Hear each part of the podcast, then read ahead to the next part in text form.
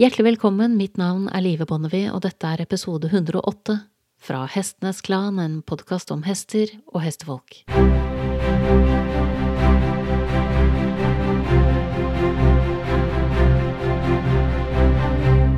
Ambisjonene bak episodene om hesten min og meg er å utsi noe om resonnementene som ligger bak valgene jeg har tatt for hesten min, fra da jeg kjøpte ham for åtte år siden og fram til i dag, og ikke minst hva som ligger til grunnen for disse valgene, og hva jeg tenker om dem når jeg ser tilbake. Det blir litt teknisk, men jeg føler at disse brikkene må på plass før jeg sier noe om hvordan jeg gikk fram med tanke på de mer kompliserte tingene, knyttet til selve ridningen og håndteringen. Jeg har alltid vært opptatt av å holde hestene mine så nært det de er skapt for som mulig. Noen krav kan jeg fire på, andre er hugget i stein og kan ikke flyttes, som at hesten min skal stå på en stall der det enten er utegang eller der hestene som et minimum er ute fra morgen til kveld og har god plass. Jeg foretrekker også mindre privatstaller, der det ikke kommer og går for mye folk som hestene må forholde seg til, og det er et ufravikelig krav at hestene går sammen året rundt. Andre krav er mer fravikelige. Jeg endte med å sko hesten min i første omgang, selv om jeg var innstilt på å ha ham uten sko. Jeg endte også opp med å ri ham med bitt, selv om jeg gjerne skulle ridd ham bittløst.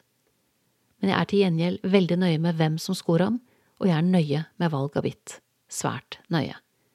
Det ville jeg nok vært uansett, men når hesten i tillegg er ung, så skjerpes kravene, kjenner jeg. Valg av bitt voldte meg mye hodebry. Hesten min har en urolig munn fra naturens side. Han pirker borti absolutt alt med henholdsvis mule eller tenner. Han river ned ting, han smaker på ting, tygger på ting og slikker på ting. Det gjør meg var for muligheten for at det han driver med er en form for selvstimulering for å døyve noe. Han er for all del både veldig nysgjerrig og veldig leken av natur, men jeg opplever at det er noe mer. En hodepine, en indre uro, eller noe annet som ulmer under overflaten. Så det å ha noe i munnen er ikke bare et onde for ham, hvilket var en pussig og uvant erkjennelse for meg. Det sagt så trenger han et bitt som ligger så stille i munnen som mulig, som gjør minst mulig ut av seg og er minst mulig i veien. Ellers blir det for mye stimuli for ham. Han trenger også et bitt som fungerer godt med et hodelag uten nesereim, for det trives han ikke med. Jeg tror vi må ha testet nærmere 20 bitt, i ulike materialer og med svært ulik design og ulik funksjon, før vi landet på det bittet vi har brukt de siste årene. Og jeg sier vi, for han har i høyeste grad vært med på å stemme frem det bittet vi gikk for til slutt. Da hadde vi også prøvd fire–fem bittløse alternativer, men ingen av disse fungerte godt nok. Nok et punkt der jeg korrigerer kurs og følger etter min nye hest, og går for det bittet som fungerer best, inntil vi lander et alternativ som er egnet for å ri uten. Jeg red etter hvert min første hest med minimalt utstyr eller uten, så i likhet med å velge jernsko var det ikke noe enkelt valg å velge et metallbitt i dette første varvet. Det handlet om flere ting.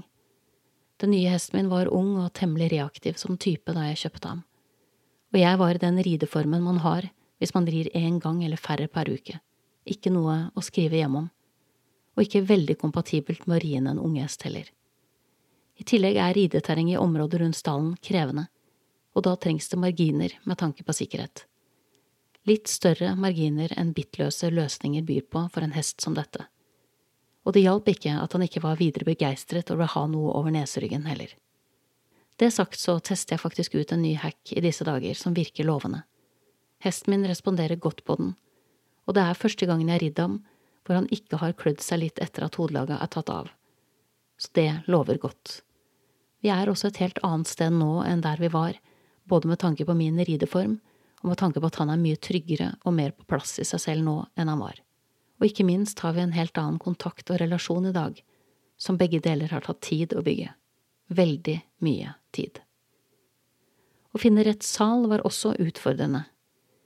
Jeg har noe som ligner veldig på et handikap.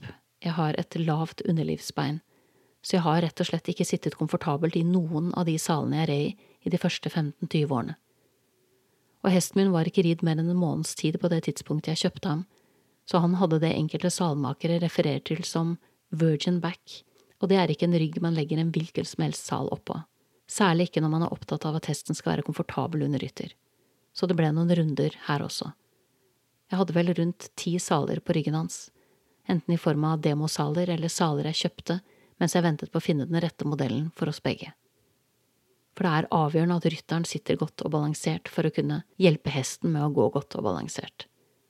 For meg var det viktig at salen lå godt på det korte saleiet hans, at den fordelte trykket godt, var asymmetrisk justerbar, og sist, men ikke minst, at den var designet for et kvinnelig bekken, for det har jeg i fullt monn. Og jeg fant en til slutt. Den er ikke 100% den er litt for tung og kunne godt vært nettere i designet, men den scorer godt over 90% så det får være godt nok. Jeg har også tre bomfrie løsninger jeg bruker, i tillegg til at jeg rir barbak på kortere turer. Det siste jeg har vært svært nøye med på utstyrsfronten, er å ha en god taugrimme og et langt og stille leietau. Jeg ser at mange er veldig negative til taugrimer, og når man ser hvordan enkelte Natural Horseman shit-trenere bruker dem, så er jo ikke det så rart for dette er virkelig et stykke utstyr som blir svært skarpt og svært ufølsomt i ufølsomme hender. Men det er samtidig et veldig fintfølende og nyttig stykke utstyr i myke hender. En god taugrime veier nesten ingenting, og den har en stivhet i seg som gjør at den ikke er i nærheten av de følsomme ansiktsnervene til hesten, og den fanger ikke minst opp og videreformidler hver minste bevegelse i leietauet, og da mener jeg hver minste bevegelse. Det er også viktig at leietauet er minst halvannen til to hestelengder langt, og at det er flettet på en måte som gjør at det ikke skaper noen egenbevegelse, men kun beveger seg i det korte øyeblikket det blir beveget av enten hest eller rytter.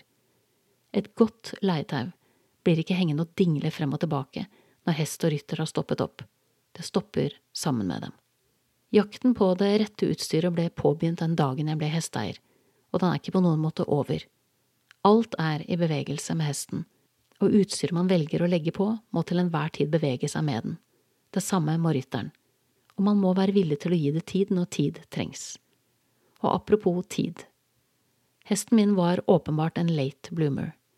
Alderen tilsa innridning, men psyken og personligheten fortalte en helt annen historie. Sånn sett all mulig grunn til å berømme de som tok det første varvet med innridningen. De hadde ikke forsøkt å avtvinge hesten min noe han ikke var villig til å gi, på det tidspunktet jeg kjøpte ham, og det var ikke jeg villig til å gjøre heller. Så da det viste seg at jeg hadde kjøpt en hest som verken var komfortabel eller klar for å bære et menneske på ryggen, da måtte jeg virkelig tenke utenfor boksen. For hva gjør man da?